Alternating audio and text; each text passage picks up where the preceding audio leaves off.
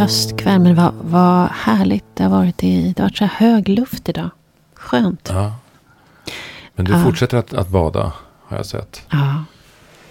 Vinterbadare. Är- Nej, nu är det inte, inte det höstbad. Men det är ganska kallt fortfarande i vattnet. 12 grader kanske. Mm.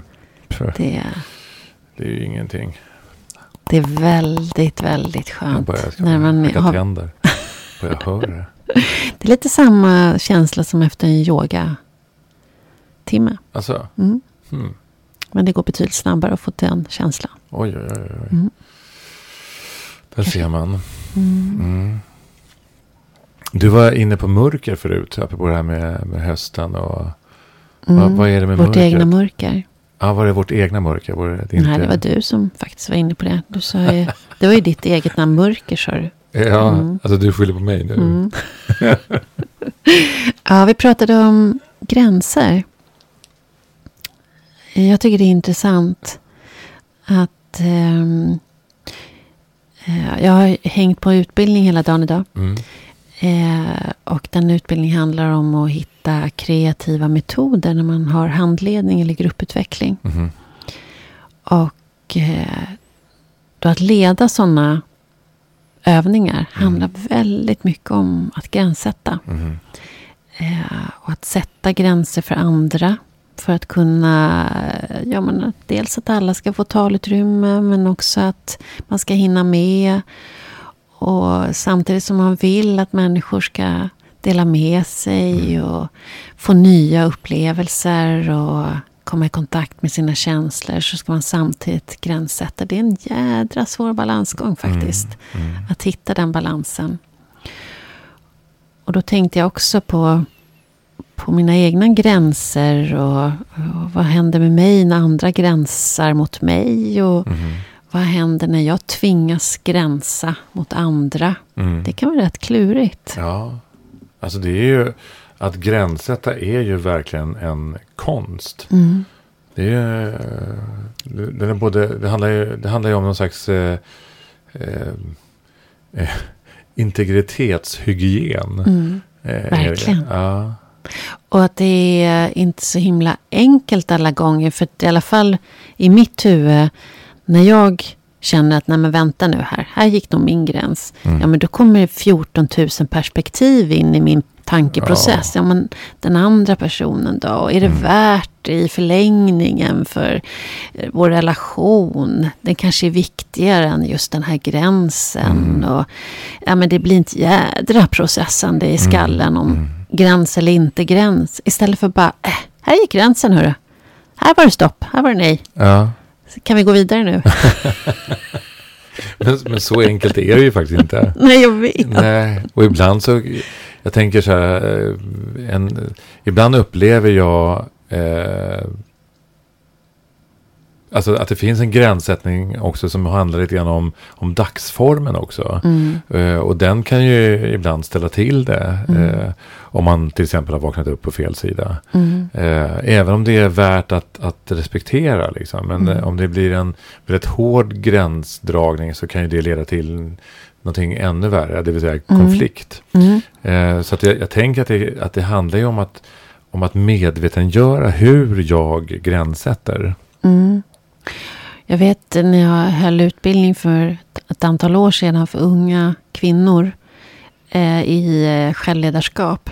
Så var ju det återkommande temat var ju svårigheten att säga nej. Mm.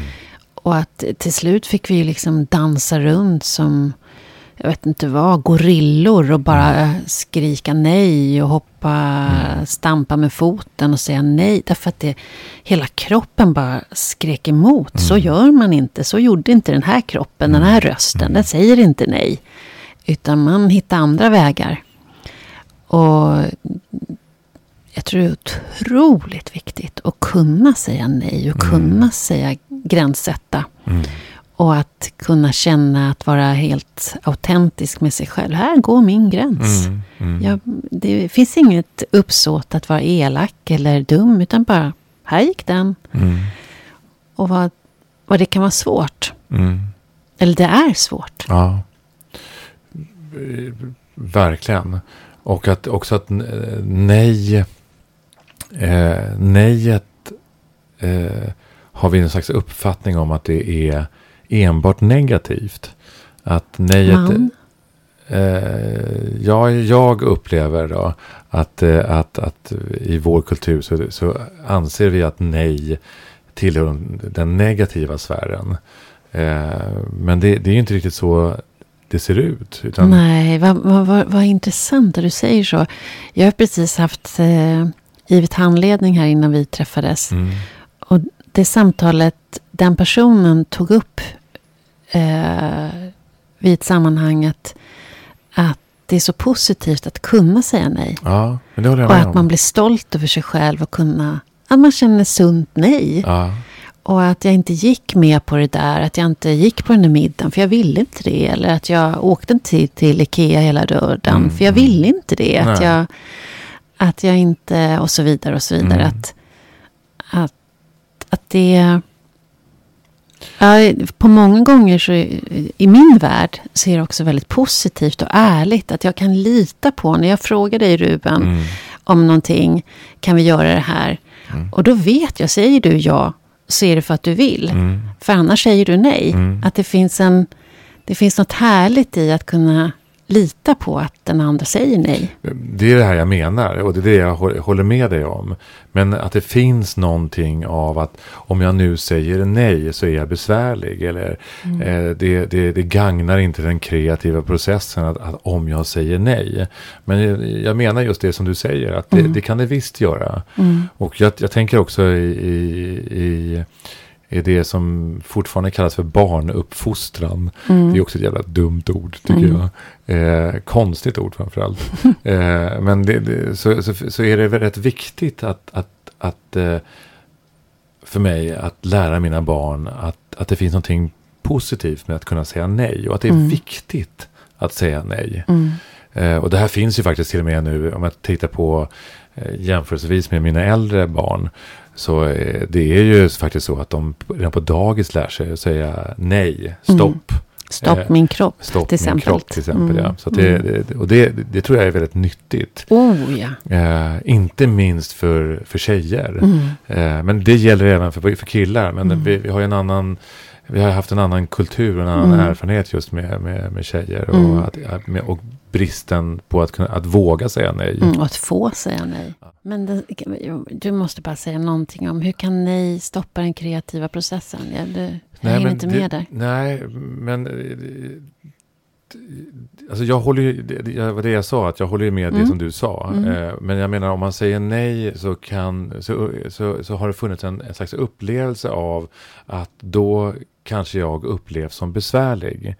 Eh, eh, och eh, där kan det ju vara nyttigt då att vara noga med eller att veta varför säger jag nej och också Mm. kunna, kanske också kunna eh, förklara eh, var, varför säger jag nej nu? Mm. Vad är det som gör att, att gränsen gick just här? Mm. Att man Eh. behöver argumentera för den. Ja, eh, jag tycker inte att, ändå så tycker jag inte att man måste argumentera för det hela. Men det kan vara viktigt för, att, för processens skull, om man Mm. nu är inne i en sån, att förklara om det är möjligt. Mm. Va- varför är det så? Att just idag så kanske det är ett nej här som, Mm. som råder för mig. Jag, jag vill inte mera nu. Mm. Eller jag orkar inte, kanske, kanske räcker till och med. Och att där kan jag, om jag tittar på mig själv och tittar på i min omgivning så kan ibland prestationen bli överordnad nejet. Mm. Ja, det där kan vi eh, reda i fler tillfällen. Men vi har en gäst. Ja, vi har ju det. Vi har en gäst här och inte vilken gäst som helst. En eh, gäst som eh, i nästan 20 år har lett nyhetssändningar i SVT. Både Rapport och Aktuellt. Och senaste de tio åren så har hon eh, uteslutande haft intervjuprogrammet Min sanning. Min Nu börjar vi sanning. ana. Ja, nu börjar vi ana. Det, här- det, det här är en frågesport. Ah, Ulrika och det politiska veckomagasinet Agenda. Dessutom så har hon eh, lett tillsammans med andra kollegor valprogram och Nobelsändningar och så har hon också varit ordförande i Publicistklubben. Eh, varit. Ja. Mm, mm, Ehm, och eh, hon har två döttrar. Mm. Hon har ett litet barnbarn, en hund. Jag undrar vad det är för hund. Ja, jag har ingen aning. Eh, och så har hon även eh, varit, har hästar varit en stor del av hennes liv. Ruben, vem, vem, är hon? Ja, vem är detta? Ja. Säger du? Kan hon heta Hedemo? Ja, Anna i förnamn. Mm. Jag går ner och hämtar henne. Gör det.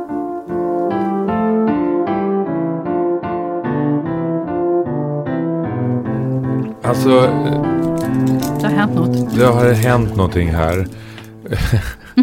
vi, vi börjar nu med att säga ändå välkommen Anna Hedenmo. Tack. Ett sånt där långt röstprov har jag aldrig varit med om faktiskt. Nej, alltså det, det, det, det gräsliga var här nu att vi faktiskt påbörjade den här eh, poddinspelningen. Mm. Men Och inte bara påbörjade, vi hade ju, var ju så gott som klara. vi, Var det så? Så? Hur länge Nej, var inte klockan? Inte Halvtimme. Ja, vi har pratat i alla fall en halvtimme, och, men vi har däremot inte spelat in. Eh, och det, är ju, det var ju rätt hemskt. Men eh, du Anna, du kontrade direkt med att du faktiskt har varit med om det här själv. Mm. Nu har jag faktiskt massor med godis i munnen. Men, Ja, men det, det, det får vara, det, det är helt okej. Jag intervjuade faktiskt drottning Silvia. Och ehm, det var för en taltidning. Ja. Mm. Jag kanske var 23.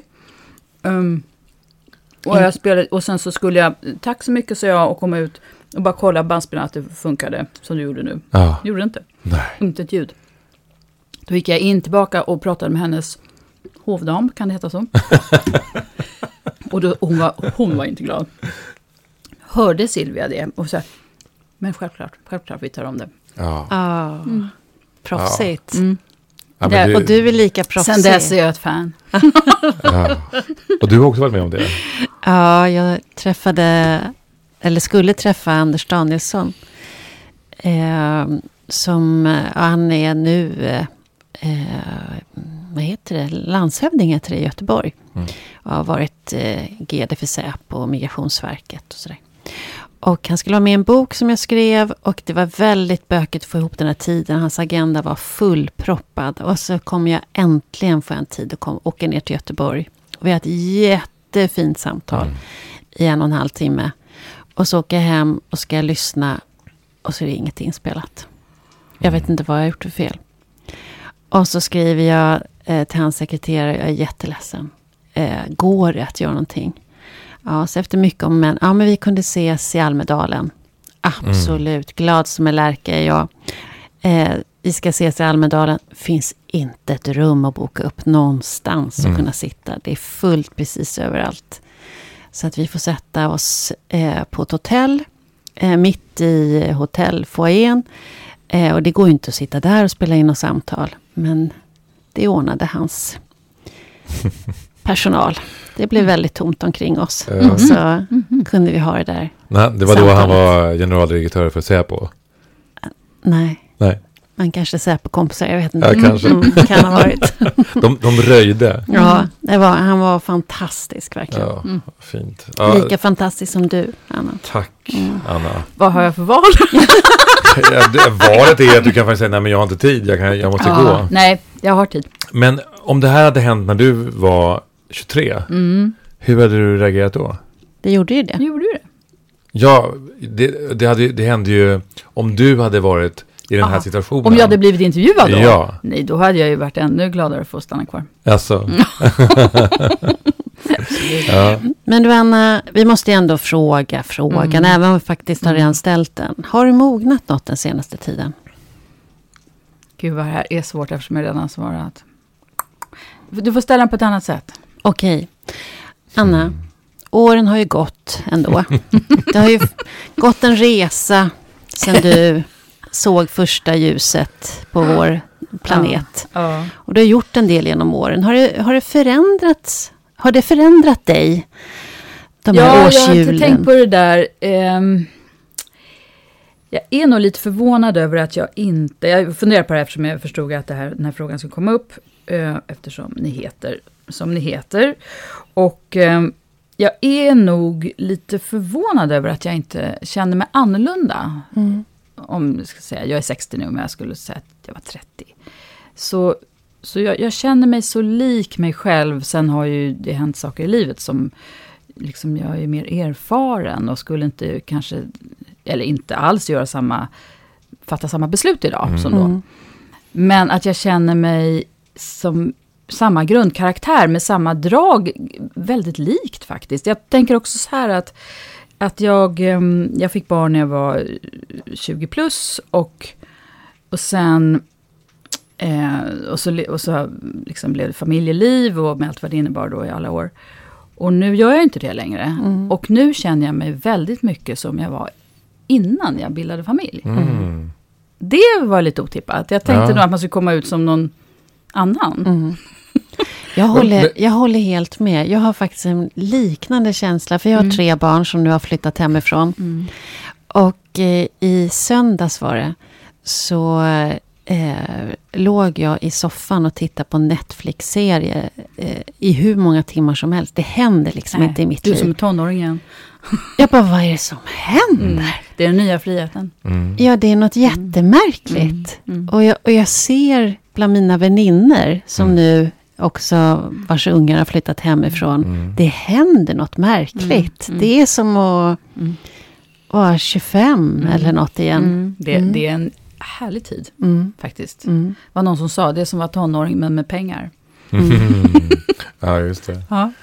Men är, är, vad är den här inneboende åldern då? Hur, känner du att du är, är inte tonåring? Nej, nej, absolut inte. Men kanske då mm, 30, 25, 30 kanske. Mm. Eller 25 tror jag. 25? Före barnen, Ja. mm, tänker jag. För sen blir man så präglad av barnen och, eh, och då är det jag förstått nu att det försvann sen. Det var bara tillfälligt Mhm. hur man blev. Nej men eh, det tycker jag nog. Alltså karaktären hos en människa tror jag är ganska klar där runt 25 någonting. Eh, och, så, och så tror jag det var för mig att jag känner, att jag känner igen eh, jag känner, väl, jag känner mig väldigt lik mig själv som då. Mm. Men när du möter olika människor, om vi nu pratar mognad eller vuxenutveckling eller vad vi nu vill sätta för ord på det. Upplever du olika grader av mognad hos vuxna människor som du möter? Ja, det kan man ju lugnt säga.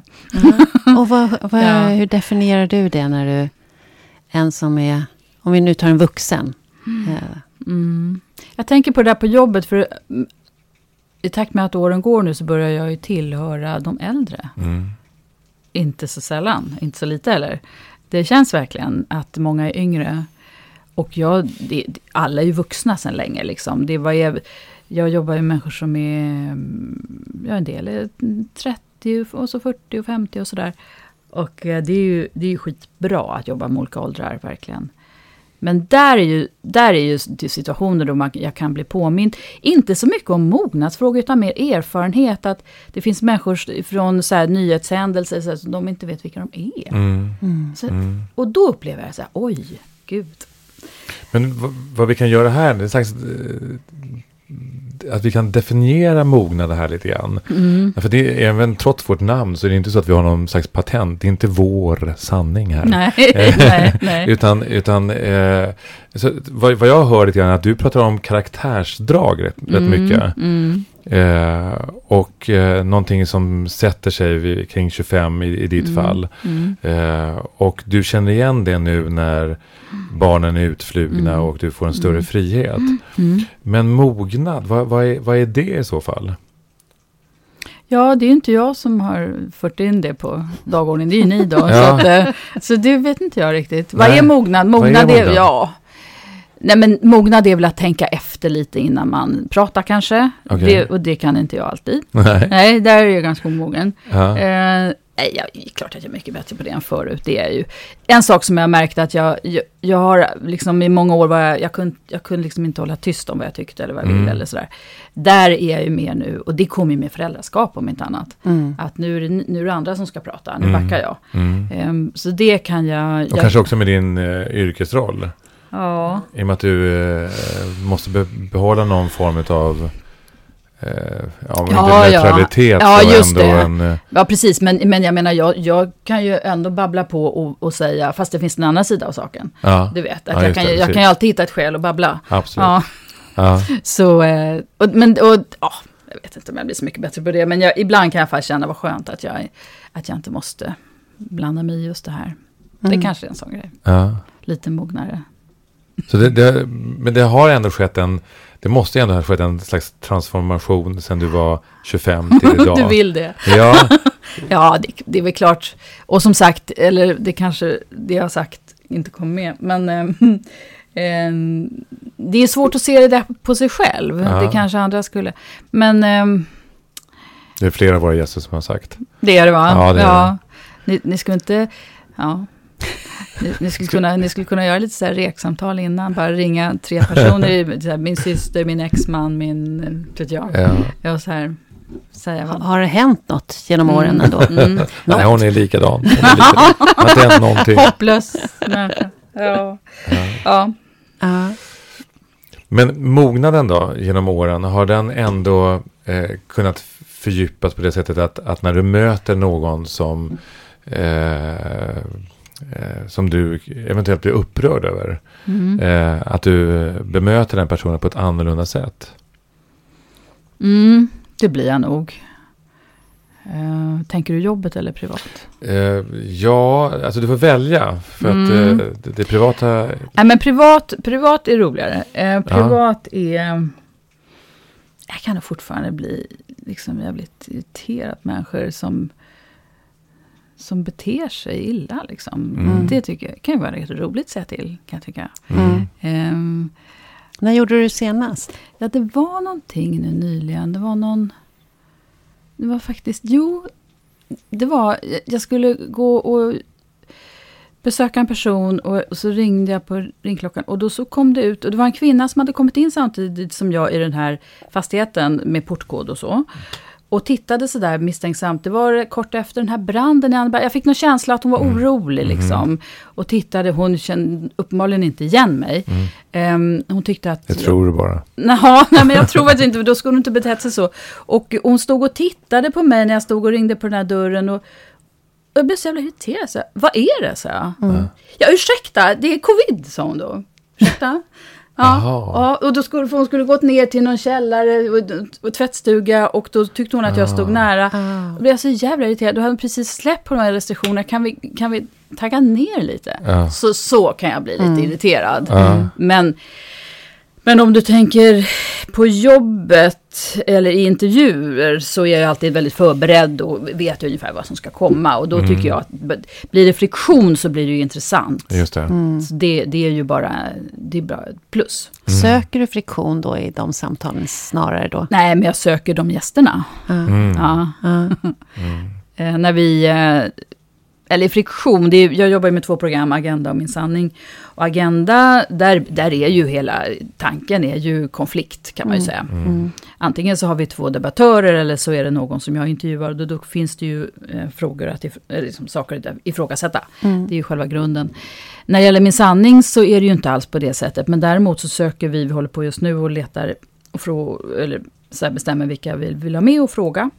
Och så. Och eh, då, då är det viktigt att det inte bara är solsken i den här människans liv. Därför att vi pratar om smärtpunkter och att, det, att man vill... Eh, om man, det här är, det är en, en timme om en människas liv och bara solsken och räkmacka, det, det är inte så intressant helt Mm. enkelt. Mm. Och finns, dessutom, finns det sådana liv? ja, det, det har gjorts ett Min sanning om en sån människa. Jaha. Och det brukar vi använda som ett, jag kommer inte säga vem det är. Okej. Och ehm, eh, då, ibland när vi pratar om något namn som riskerar att hamna där säger vi, Okej. påminner vi om det. Ja, För mycket solsken. Mm, för mycket, För sol, mycket solsken. mycket solsken. Men jag menar, det är också det att man vill ju, varför är det intressant att lyssna på intervjuer eller, eller så port, porträtt av människor? Det är väl för att det är också igenkänning och, och Mm. man kan känna starkt med någons upplevelser. Och det går ju inte bara att säga och sen gick det toppen där och sen Mm. fira, hade vi framgångar där. Och, Jag tänker att det finns väl inte någon människa som bara har solsken. Men det finns ju inte alla som är beredda att prata och Nej. berätta och nej. bjuda på det. nej, fast det finns faktiskt människor som har ganska okomplicerade liv. Och som är förskonade. In, Säg att de har, menar, alla barnen är friska, ingen har dött i förtid, yrket har varit roligt och framgångsrikt. De har haft hyfsat med, eller kanske bra med pengar. Ehm, sen så har det väl funnits säkert svackor i äktenskap, eller, men det gör man ju ingen stor affär av. för Nej, vem har inte kanske det? inte Liksom. något det är ingen grej, det är, Nej, och sen så här, det, Mm. mm, ja. Det är livet. Det är livet. Mm. Och eh, speciellt, men, men du har ju rätt. Jag menar, människor som gör, eh, till exempel skriver böcker om sina personliga kriser, de kriserna behöver ju inte vara värre än, än dina och mina. Mm. Mm. Men om man är beredd att berätta om dem på ett... Eller hur? Mm. Bestämmer man sig för att de är stora så blir de stora. Mm. Men den människan jag tänker på nu, hade, liksom, hon var inte alls i det fältet. Nej, Mm. hon var solskensfältet. Mm. Mm. Mm. Exakt. Men du, jag tänker på det här när du säger agenda. Eh, och att det bygger på konflikt. Jag jobbar ju en del, eller har gjort genom åren med politiker. Jag jobbar ju med ledarskap. Eh, och då åter, finns det en återkommande berättelse som jag stöter på. Och det är att det här med att eh, även politiken söker konflikt. Hela politiken bygger ju på konflikt, Mm. ställningstagande mot Mm. varandra.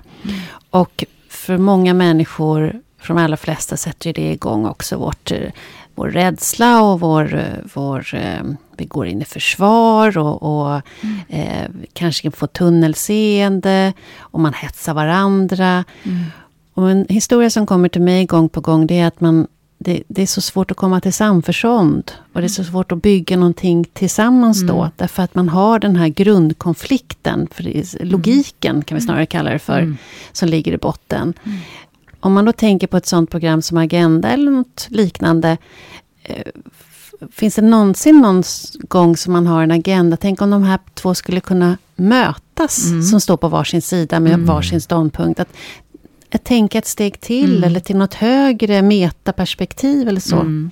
Alltså, skulle det vara så, där ligger bollen hos politiken. Mm. Skulle polis, säg till exempel att Socialdemokraterna och Moderaterna gick ut och sa gängbrottsligheten ska vi inte ha diskussioner om Mm. längre, för att vi Mm. vill i stort sett samma sak. Mm. Och nu, nu vill vi ha en, eh, en bred lösning, eller en, liksom en, en, vad säger man, en satsning gemensamt här Mm. och inte, inte längre kritisera varandra. Skulle ju de vara mer välkomna till Agenda såklart. Mm. Men programmet är ju, har ju skapats av det faktum att politiken bygger på konflikter. Mm. Så att det är inte så att vi absolut vill ha bråk. Mm. Alltså, kommer de att ha olika åsikter, då får det gärna märkas. Så Mm. kan jag säga. Men Mm. eh, annars blir det så misslyckat. Men, men ja, du förstår vad jag Mm. menar. Mm. Så att vi är ju en konsekvens av politiken som, där partiernas eh, existensberättigande på något sätt är ju att kritisera Mm. varandra. Mm. Så är det ju. Ja. Jag, jag, jag vet inte om jag riktigt håller med om det. För att Mm. jag tänker att politiken är ju till för oss medborgare. Att, eh, att, för att göra vårt samhälle bättre. Eh, och där jag kan tycka just att konflikten begränsar möjligheten till, att, att förä- till förändringar. Att det blir positioneringar snarare än att det blir eh, en vilja till att förändra samhället till någonting bättre. Och där kan jag tycka att jag eh, som, som medborgare då, att jag känner en avsaknad och en längtan Mm. efter Mm. eh, att politiker, till exempel i, i debattprogram, eh, ska lyssna Mm. på varandra. Mm. Eh, där det till, till och med kan vara så ett, där, där man också, där jag också kan längta efter att det här låter intressant. Kan- jag få återkomma till dig om några dagar? Mm. Eh, och då förstår jag till exempel att i ert fall så, så är det inte den bästa sortens tv kanske. Men, Nej men alltså jag, jag har ingenting emot det när jag leder Agenda. Nej. Det är bara det att det händer aldrig. nej, det händer aldrig. Alltså vi, vi har faktiskt haft sådana försök att säga, eh, det, det, det, det pratar vi ofta om, kan vi be debattörerna se, jag, jag har ställt en fråga flera gånger, vad är det bästa argumentet du hör från honom? Mm. Vad är det bästa du hör? Finns Ja. det någonstans ni skulle kunna, vi, vi försöker det. ja. Mm. Men så länge de inte har planer på att bilda koalitionsregering så, kom, så är det deras DNA att bekämpa varandra. Just det. Därför att det kommer ett val snart. Och då är, om, om Ulf Kristersson säger att Stefan Löfven är på rätt spår med gängbrottsligheten, Mm. då kommer inte Moderaterna behövas i den frågan. Så det, är liksom, det går inte. Mm. Men du ser ju nu på Centern och Socialdemokraterna som nu samarbetar, får vi se hur det går framöver. Men då, då är ju, det är, inte- de anfaller ju inte varandra längre. Nej. Så, ja. Mm. Så det, vad man kan säga, eh, om, eh, tänker jag då, Mm. då är det egentligen makten som är det viktiga, inte, att, inte förändringsarbetet. Att vinna val så handlar det ju om makten, att få, Mm. få mandatet och Mm. kunna... Ja, och då skulle, så att, så att Ulf Kristersson här skulle han säga, jag vill ha makten för att jag vill förändra. Mm. Så att, ja. Mm. Jag hör vad du säger, jag fattar Ja. precis vad du menar. Jag bara tänker, vad är polit politikerns svar på det. Och det är att, men vi har en, den, den bästa idén för det här. Vi har lösningen. Mm. Och om vi inte vinner så kommer inte svenska folket få åtnjuta det. Mm. Men sen så, ehm, sen är det ju också så att det, alltså det, skulle alla vara överens i de stora frågorna, då kan man ju undra vad demokratin tar vägen. Mm. Så det är ju inte så, alltså det är lite komplicerat det där. Jag menar, Mm. ehm, alltså nu vet man pratar om det när, eh, efter förra valet, denna evighetslånga försök att bilda regering då. Och det fanns ju de som, det fanns ju några moderater som var ute och så här pratade, skulle man kunna tänka Socialdemokraterna och Moderaterna. Men de två stora statsbärande partierna skulle gå samman, då menar vissa då, nu har vi ju så många partier i Sverige i och för sig, men att det finns en risk att det blir ett demokratiunderskott därför att det helt Mhm. enkelt är jag menar, då, då gör de upp de stora frågorna och sen så de mindre partierna kommer inte kunna påverka det. Och då har vi inte den här möjligheten att med våran röst. Mm. Ja, så. Mm. Så eh, kan jag förstå det rätt att du menar också att, att konflikten är också en del utav eh, byggstenarna i vår demokrati? Att vi behöver konflikt för att upprätthålla demokratin? Ja, så är det väl. Eh, det är väl liksom att ifrågasätta och, och, och absolut. Men, men eh, samtidigt så jag tror att du talar för många när du säger att man längtar också efter ett samförstånd eh, för att det blir kanske mer gjort. Mm. Eh, Det tror jag, utan att ha det minsta belägg för det egentligen. Men jag tror nog när det gäller gängbrottsligheten så kan man uppleva det lite till mans. Mm. Ni pratar ju egentligen, alltså ingen vill något annat. Ingen. Nej, varför inte? Men det är så att säga, vi har mindre än ett år till val. Det finns inte Mm. på kartan att man skulle slå sig upp och säga så här, nu ska vi göra något gemensamt. För nu gäller det att, att vinna val. Mm. Mm. Jag tänker vi hade besök av Amanda Lind där för några veckor sedan. Och som då sa att eh, hon kunde nog märka att fler och fler politiker gick ut och po- till poddar. För där fick de prata till punkt. För att i debatten där måste man bli så tydlig. Mm. Ställa, ta ställning mot den andra. För att Mm. just för att kunna tydliggöra vad, Mm. vem som står för vad. Mm. Men att det fanns en avsaknad av att få Mm. fördjupa Mm. sitt resonemang. Mm. Och det, det har jag tänkt på många gånger Mm. efter det. Att vad härligt skulle det vara att få höra politiker inte ställa sig i debatt utan fördjupa ett, ett samtalsämne, Mm. tema eh, istället till exempel. Mm. Det, det finns ju... Ja, det hade varit Prata mer om sin vision. Mm. Vi, vi gjorde ett sånt eh, program inför något val här. Jag kommer inte ihåg vilket val det var. Eh, där var det, alla partiledarna fick, helt oemotsagda, Mm. eh, prata om sin vision. Det var inte, så- det kanske var 20 minuter eller någonting sånt. Mm. Ganska långt faktiskt i tv. När, Mm. när ingen säger hur menar du? Eller, det är väldigt stor risk att det blir Ja. flummigt faktiskt. Ja. Och icke konkret. Så kan man säga, pratar man visioner så måste man få vara lite luddig i kanten. Mm. Det kanske har sin plats, men jag vet inte hur bra det där blev, ärligt Mm. talat faktiskt. Ja, mm. Mm. jag, vet, jag förstår vad du säger. Men då är det bra att poddarna finns. Mm. Ja, Hon var ja, ju här. Ja, Mm. absolut. Måste ni balansera det nu med en höger? Eh, nej, vi har inga sådana krav. Eh, alltså som ni på SVT Nej, har. nej, nej. Men känner ni i era hjärtan?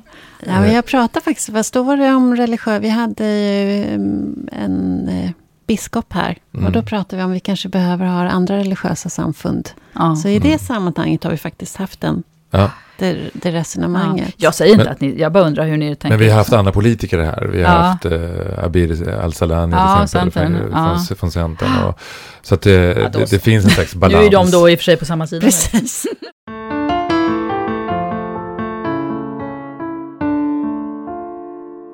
Men när man befinner sig så här i he- hetluften som du har gjort under så här många, många herrans år. Det är ju större delen av ditt vuxna liv Mm. som du är ett igenkänt ansikte. Dels att, att, att eh, det handlar om, om, eh, om att bli igenkänd men också att vara i eh, där allting händer på något sätt. Mm. Eh, hur, hur, hur har du gjort för att behålla din kärna? Hur har, hur har du behåll, gjort för att behålla ditt lugn? Och inte liksom eh, ja, sp- springa rakt in i väggen. Jag gör inte det. Nej. jag gör faktiskt inte det. Jag, eh, mm, jag har ju tyckt att jag har haft så himla kul på jobbet. Jag har kul på jobbet. Eh, och sen så har jag haft en stor, liksom, en stor del av livet utanför jobbet med familj och djur och, och stort umgänge och sådär. Så att det har, jag, jag har aldrig varit den som har känt att jobbet har slukat mig. Eh, så jobbar jag nog ganska mycket och, och en del på fritid. Det, det glider ihop liksom. Mm. Och jag har inget problem med det egentligen för att jag tycker att det är roligt.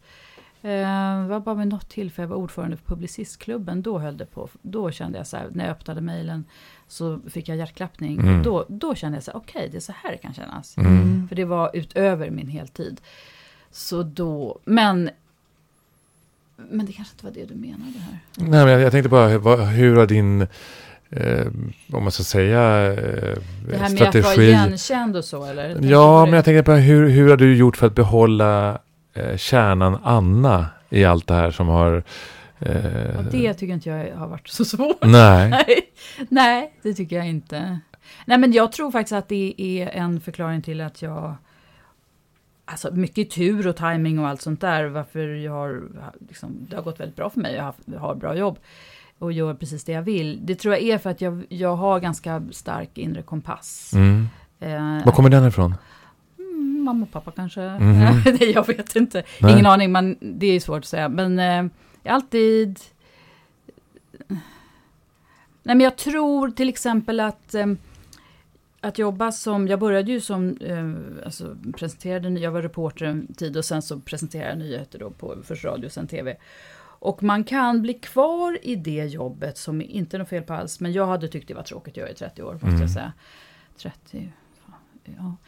Eh, men, men har man en, liksom en stark drivkraft att eh, vilja utvecklas och fortsätta så utan det så tror jag att jobbet hade varit ganska tråkigt. Men jag har efterfrågat andra arbetsuppgifter och föreslagit saker. Och, Mm. och haft eh, liksom en eh, stark självkänsla. Mm. Så att jag har, jag har nog varit min egen motor väldigt mycket. Mm. Eh, så att, att tappa bort mig har aldrig varit någon risk tror jag. Eh, nej. Men, men den här starka kompassen som du pratar om och starka drivkraften som du berättar om. Har den krockat med ditt långa liv på SVT och att vara neutral och att vara eh, det som ingår i ditt uppdrag, Mm. att inte ta stark ställning i några politiska frågor Mm. eller så. Har det, har det funnits en konflikt däremellan? Nej, därför att eh, jag, jag är ju... Jag har ju varit länge på SVT och även om jag har gjort olika saker där. Jag, jag, jag tycker public service är... Nu, börjar jag låta skittråkig här, men jag tycker verkligen... det låter som en sån här reklamgrej. Eh, jag, public service är en så viktig del i demokratin, tycker Mm. jag. Verkligen. Så, så jag är väldigt stolt att jobba där. Mm. Eh, och eh, så, så att det finns ingen krock där. Jag har liksom en väldig energi i det, kanske därför att det är public service. Mm. Eh, och har ju väldigt, eh, alltså journalistikens roll, jag är väldigt engagerad i de frågorna. Och Mm. Så. Och det är väl en, minst sagt, en grundvärdering, kan man Mm. verkligen säga, Mm. i sig. Mm. Men du, du nämnde förut att eh, ska man vara med i Min sanning då måste man ha lite smärtpunkter och Mm. inte vara så mycket solskenshistorier, enbart i alla fall. Mm. Det finns andra kriterier också. Ja, jag anar det Mm. att det finns. Men jag tänker på dina egna smärtpunkter. Om du skulle bli intervjuad i Min sanning och man skulle titta på karaktären Mm. du, så ska hon vara med här? Vad, hennes, vad, vad hittar vi Så hennes smärtpunkter? Inte? Nej, Är det för mycket solsken? alldeles för mycket. För mycket solsken eller är du för luttrad journalist nu? Ja. Nej, men jag, det finns inte på kartan att jag skulle sitta där. Eh, Nej, men om vi bara... eh, Ja, jag förstår vad du menar. Din- Som ett tankeexperiment. Mm. Ehm, Jag är ute efter lite över du- smärtpunkterna. Ja, jag förstår. Jo, men det är klart jag har haft smärtpunkter. Men de, de är... Alltså jag har förlorat mina föräldrar, men de var gamla. Mm. Eh, och det får man acceptera. Mm. Eh, jag har genomgått en skilsmässa som var förmodligen den minst, minst dramatiska man kan tänka sig. Mm. Även om det ändå inte var lätt. Mm. Men liksom, det är inte så mycket ord om. Vi är jättegoda vänner och Mm. vi delar landställe och vi träffar barnen ihop. Numera ett barnbarn också. Mm. Så... ehm, eh, Så om du skulle Ja. intervjua dig själv i Min sanning, Ja. vad hade du tagit sikte på? Vart hade du... Ja, fan, det hade blivit jätteknepigt. Det hade nog varit den, den här... Uh... Du hade inte blivit utvald? Nej, jag hade faktiskt... Det hade, nej, nej, det är för mycket räkmat. Nej, det är för mycket. Det är för solskenligt. Ja, nej, jag här hade, går det inte. Jag hade inte... Det hade inte det. Uh, sen så, sen, jag har ju inget emot liksom att ta plats och prata och så, men jag, jag har inget behov av att höja mitt liv eller mi, liksom mig Mm. så. Mm. Jag, tycker, jag, jag pratar gärna och argumenterar och ifrågasätter och, och, och skrattar och är social. Liksom. Mm. Men jag, är, jag, jag har inget behov av att framhålla mig s- på det Nej, sättet. nej jag, jag tänkte utifrån mer att med den professionen du har, att du, du möter många människor, du tittar, förbereder, planerar smärtpunkter, livsvändningar, vändpunkter. Mm. Hur du hade själv betraktat, om du själv funderar Mm. på, hur hade du betraktat ditt eget liv om du hade ställt dig utifrån? Mm. Och Ett vanligt hade, liv. mm, mm, Ett, ett, ett Mm. vanligt liv, ett ovanligt jobb. mm. Lite, lite halvspännande. Mm. Eh, mm, verkar liksom så här provocerande nöjd. Mm, mm. Mm. Nöjd. Ja, Underbart, men det låter helt ljuvligt. verkligen. Så här Men, harmonisk men, jobbrutin. men nu dog ju hela den här intervjun, Ja. det här samtalet.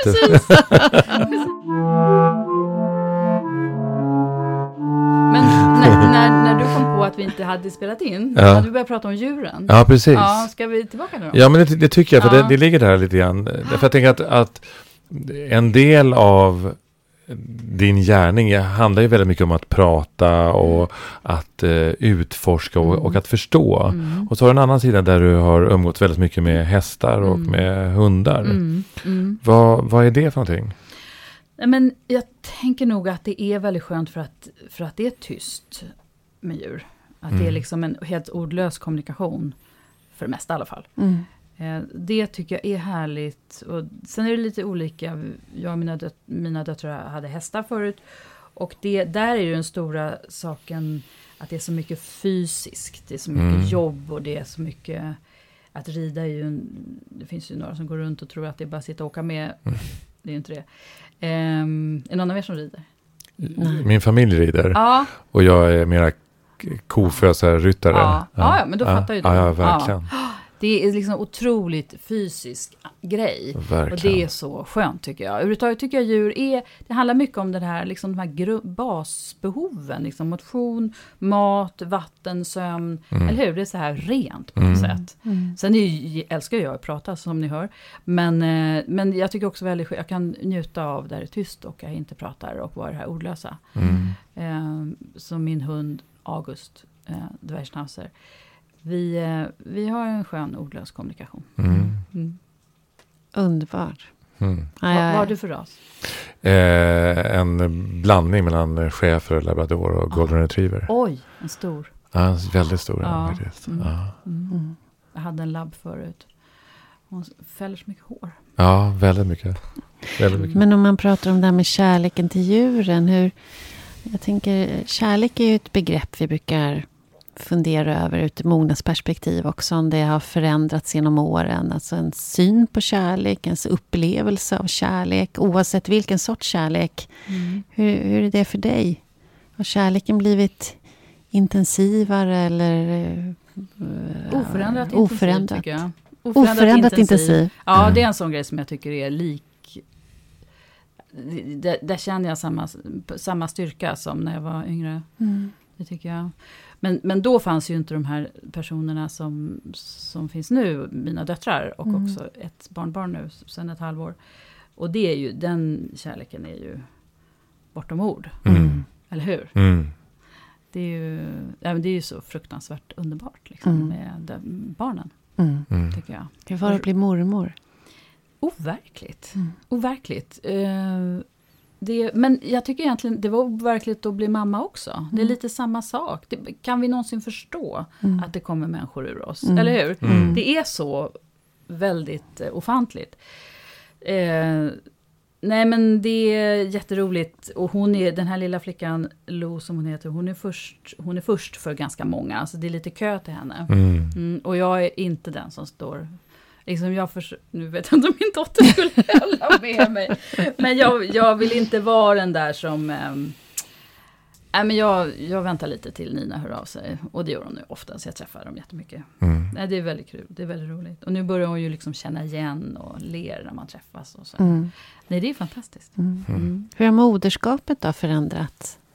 Ja, vad heter det? Moderskap? Ja, Mammaskap? Min eller? dotter. Ja, så, Ja. Nej, men vet du vad? Det var egentligen så jag tänkte svara från början. Ehm, för du frågar ju alla så här, hur är det?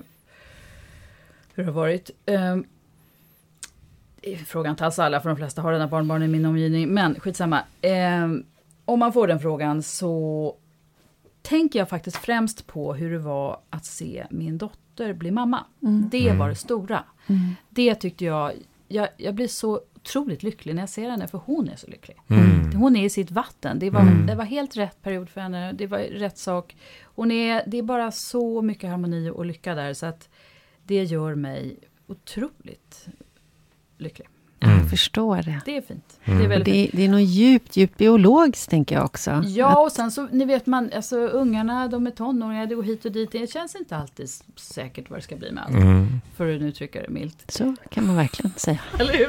Nu ska vi inte utlämna någon här. Men, eh, och då, sen när man ser hur det faller på plats. Det är Mm. väldigt härligt. Mm. Men nej, jag vill nästan säga osökt, men det är det ju inte. Men hur, hur i, i det här som du säger nu med att ha blivit mormor. Eh, och eh, hur, hur ser du på åldrandet då? Hur, hur, hur, är den, hur, hur är den resan för dig? Mm. Nej men jag tycker det vore väl kul om det inte gick så fort. Mm. Man vill ju, vill Går det ju, fort? Ja, jag tycker det går väldigt Ja. fort. Jag tycker det går läskigt fort faktiskt. Har du gjort det hela tiden eller Nej. börjar det nu, gå fort nu? Mm. Jag tycker från 50 har det gått fort. Mm. Eh, jag blir liksom, jag tycker, jag vill ju gärna att det här roliga livet ska pågå länge. Mm. Eh, sen, och dessutom är det nog inte så kul mot slutet för de flesta. Det är det ju inte. Det, människor blir ju sjuka. Mm. Så att jag, är, jag tänker nog mycket på det. Mm. Att jag vill... Jag tänker, det, är inte så att... Eh, jag jobbar ju i en väldigt utseendefixerad bransch och det är mycket liksom bild och utseende och så. Det är inte det jag går och tänker på Mm. egentligen. Utan, utan, utan att, liksom, att, det, att det blir mindre tid kvar. Helt Mm. enkelt. Så tänker jag. Mm. Jag vill, jag vill så otroligt gärna hålla på och Mm. leva. Och hur påverkar det dig och dina beslut och val och så? Nej, men jag är nog väldigt angelägen om, och inte så mycket sen, Mm. utan nu. Mm. Att jag, men jag är... Jag, Mera nu idag än det var för, för 30 ja, år sedan. Ja, absolut. Ja. absolut. Jag menar, då kunde man ju tänka att det ska jag göra sen. Mm. Nu finns, det vet man ju inte. Nej. Så, så det känner ni väl igen. Mm. Ja. Jag känner, det, det är en ganska ny upplevelse för mig. Att, att tiden är begränsad, att den känns i min kropp. Jag är ju såklart som alla andra vet att det är här, Ja, alltid. Ja. Mm. Men plötsligt så känns det i hela kroppen. Ja. Mm. Att det kommer ta slut. Mm. Mm. Mm. Och vad... Mm. Det blir ju också, har du dina föräldrar kvar i livet? En. Mm. Mm. Du har förlorat en. Mm. Och, eller hur, det är också en grej. Som Det är gör Att man, jättestort. alltså, att man står, för mig, båda mina är döda och nu är jag liksom på tur. Mm. Den grejen. Lever dina? Nej, nej, Nej. Känner du igen den? Eh, ja, det gör jag. Och sen för, i mitt liv då så tycker jag liksom att döden alltid har varit närvarande Mm. på, på ett eller annat sätt. Liksom. Så för mig liksom är det, jag höll nästan på att säga att det är en kompis. Men, men, eh, Är det för det judiska? Eh, nej. Nej. eller hur tänker du då? Nej, du tänker ja, judiska erfarenheter. Nå, ja, delvis är det ju det. Nej, det är mer i min familj, liksom, att Aha. eh, folk har dött liksom, eh, Aha. och att det har varit liksom, en del Mm. dysfunktionalitet, Mm. eh, milt uttryckt. Mm.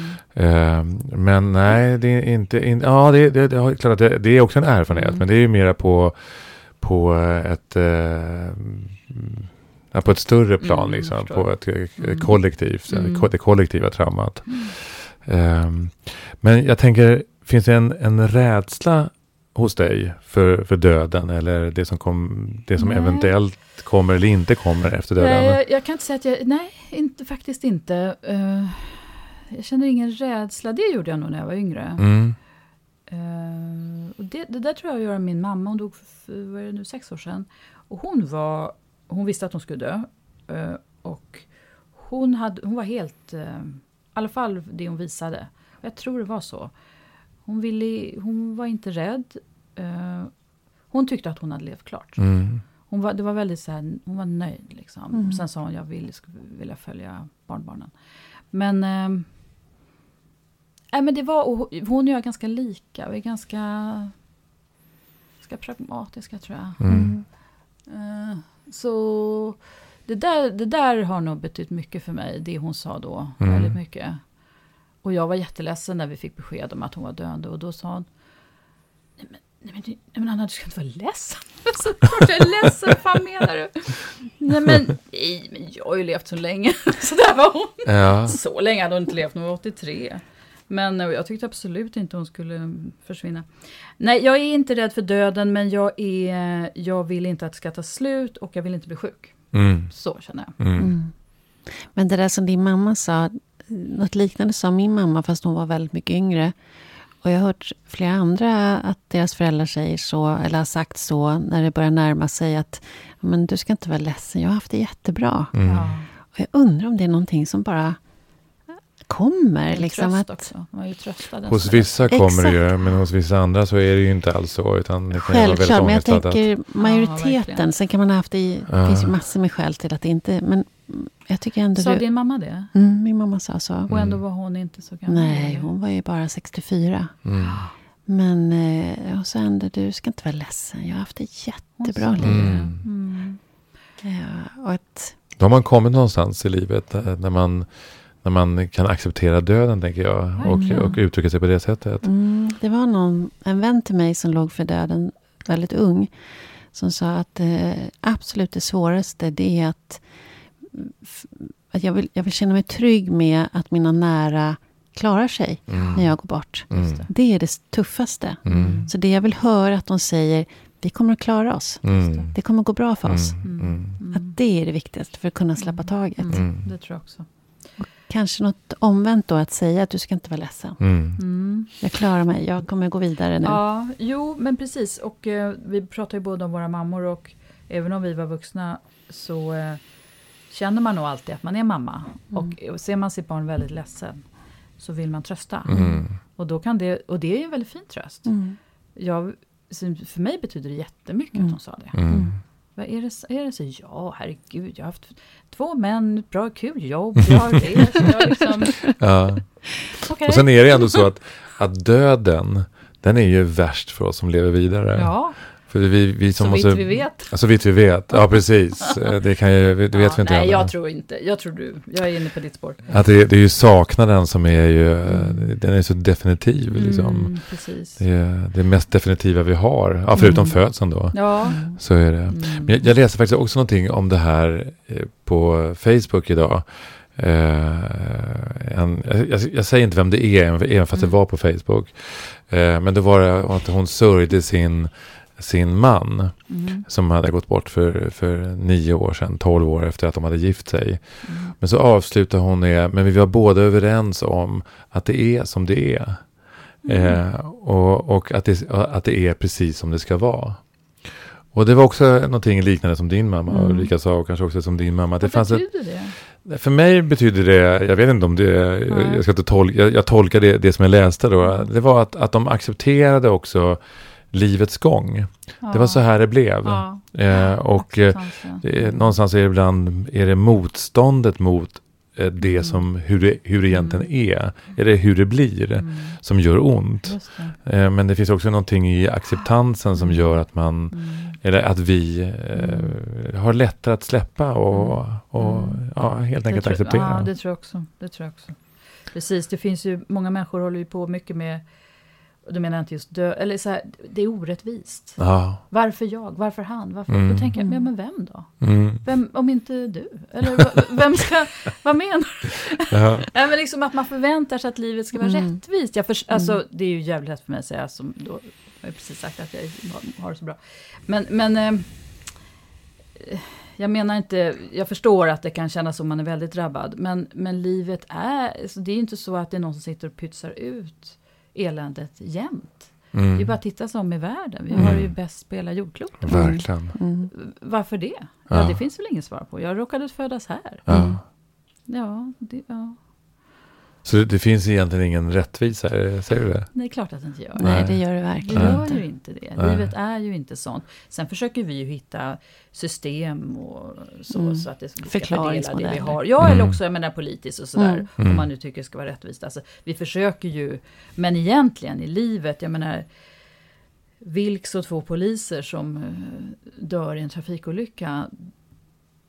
Saker händer, Mm. döden inträffar. Liksom. Mm. Det, man har ju så svårt att acceptera det, men det, så är det ju. Mm. Mm. Men jag tänker ofta på det faktiskt att vi Ibland så pratar vi, inte du och din familj uppenbarligen, men eh, många i, i vår rika del av världen och förskonade, fredliga framförallt. Att döden är liksom som en sån här otroligt, en sån chock. Mm. Men för många andra folk är ju döden helt självklar. Mm. Den är Mm. normal. Liksom. Mm. Och den göms inte undan och sådär som vi kanske gör här. Mm. Så att vi, har ju, vi är ju så försko- förskonade. Mm. Läste den här boken Tills alla dör Ja. i somras. Mm. Om de här ungdomarna i Järva framförallt. Diamant. Precis, Mm. det. Han kommer hit. Mhm. Mm. Det är min kollega. Mm. Mm. Mm. Eh, och det som var absolut mest smärtsammaste tycker jag, det var ju att när eh, han intervjuade de här 16, 17, 18-åringarna, att det var döden. Det, Mm. det var så självklart. Mm. Det kan hända imorgon. Det är Mm. inga konstigheter. Mm. Om jag le- lever eller dör i övermorgon, ja, det får vi se. Då förstår man Mm. hur den utvecklingen kan ske. Mm. När döden inte är så dramatisk. Nej. Mm. Mm. Den är, den, jag, jag tänker att den är dramatisk ändå, tänker jag. Men det, det, deras liv har ju tappat mening. Mm. Det, det är väl det som är skillnaden, tänker Mm. jag. Liksom när, när, jag, jag tänker att ja, vi måste acceptera döden, för det är ju en, det, det är bland de få sanningar som vi har att Mm. förhålla oss till. Men en 16-åring som inte är rädd att dö, eller som tycker att det, då har vi ju misslyckats med någonting Ja, i, i samhället. Och, och, Mm. Därför då, då, då har ju de tappat idén om varför det är så underbart att leva med alla Visst, visst. svårigheter. Anna, vi ska börja runda av. Eh, För andra gången. Mm. Vi kom aldrig till avrundningen. Nej, det gjorde vi inte. Och vi har en fråga som vi brukar eh, fråga alla som kommer hit. Vi, vi, vi vänder ju och vrider på det här med mognad och, och att växa. Och, och du eh, har ju i väldigt många år eh, arbetat med att förmedla nyheter, kunskaper, men kanske också viss också en viss del av folkbildningen i vårt land. Vad tror du kan krävas för att en grupp ska utvecklas, alltså den kollektiva mognaden kan... vad tänker du kring det? Eh, hur- vad behöver man göra för att vi ska mogna? Vilken stor fråga. Ja. Jag dör. Vi måste smalna av den. Jag, jag klarar inte den där. Eh, Gör, då får du göra det. ja, då gör jag det rätt ordentligt. Mm. Eh, nej, men det, det som man, jag saknar, nu pratar inte jag om världsfred och så, för det kan jag inte ge mig in på. Men eh, överhuvudtaget skulle man ju önska, jag, nu ska jag inte bli som kungen och säga man. Ehm, Han säger vi. Nej, han säger man väldigt, Okej, väldigt mycket. Ja, han, väldigt mycket sånt. Ehm, nej, men att, att, eh, att verkligen lyssna, Mm. skulle jag säga. Mm. Mm. För jag tycker, eller dels att lyssna och dels att inte prata i så mycket klyschor. Jag tycker att det är så mycket. Jag är, det är faktiskt en sak som har hänt mig med åren, att jag, jag har tappat tålamodet med pratet som inte betyder något. Mm. Mm. Det här, liksom, och det tycker jag också tyvärr Facebook, alltså det är mycket, speciellt bland kvinnor, att du är bästa och vad vacker du är och bla, alltså allt det här jävla tokig. Eh, det, det är bara, jag, jag skulle önska att man sa lite, jag, jag försöker faktiskt att inte säga saker som jag inte menar. Mm. Det, det är faktiskt en grej som jag håller mig i rätt mycket. Mm. Att eh, jag, vill, jag vill liksom säga det som, är, som stämmer. Mm. Du är sann. Vill vara lite sann. Mm, det är faktiskt så. Det, det är en liten ledstjärna i mitt liv faktiskt. Att jag Mm. vill göra det som, som är, känns sant, det kanske är ett stort ord, men som stämmer liksom för mig.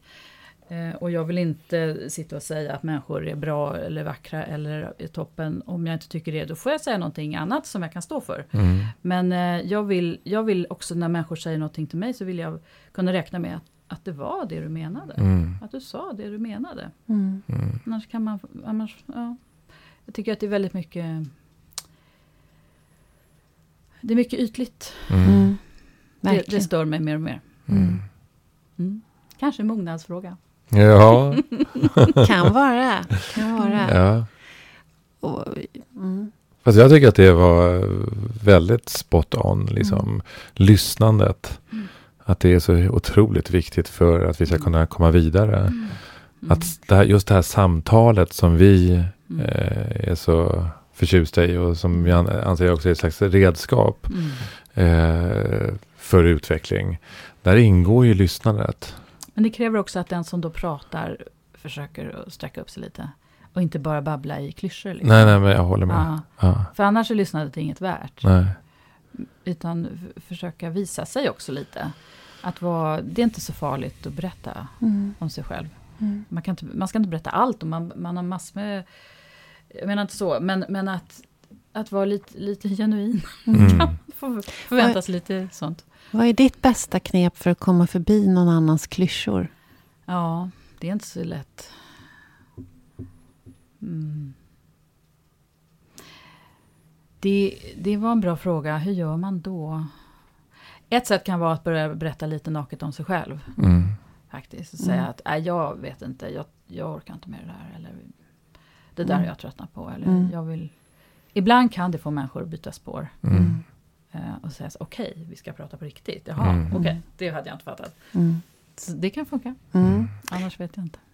Det är så, vi inledde ju med att vi hade spelat in två gånger och att jag gjorde det misstaget med Anders Danielsson. Men han sa precis det, att han var 62 år när han förstod att ledarskap bygger på att sänka garden. Mm. Och att när jag sänker garden själv, Mm. då tillåter jag, eller då bjuder jag in till Mm. att den andra sänker garden också. Just det. Mm. Just det. Mm. Men det, det är viktigt att ledaren då börjar. Mm. Mm. Mm. Mm. Det är väldigt bra. Mm. Mm. Tack Anna för att du kom till podd Mogna. För att jag fick komma och vara så länge. Ja, verkligen. Tack för ditt tålamod. Hej. Hej då! Tack, Anna Hedenmo. Tack Anna. Mm. Vad fick du med dig? Ja, men jag tänkte på det här när hon berättade hur de letade gäster till eh, Min sanning. Mm. Och att det inte fick vara för mycket solsken och att man letade efter smärtpunkterna. Mm. Mm. Jag började ganska snabbt att fundera över mina egna smärtpunkter. Mm. Men du har några, eller hur? Om du skulle intervjua dig. Men nu pratar vi om dig.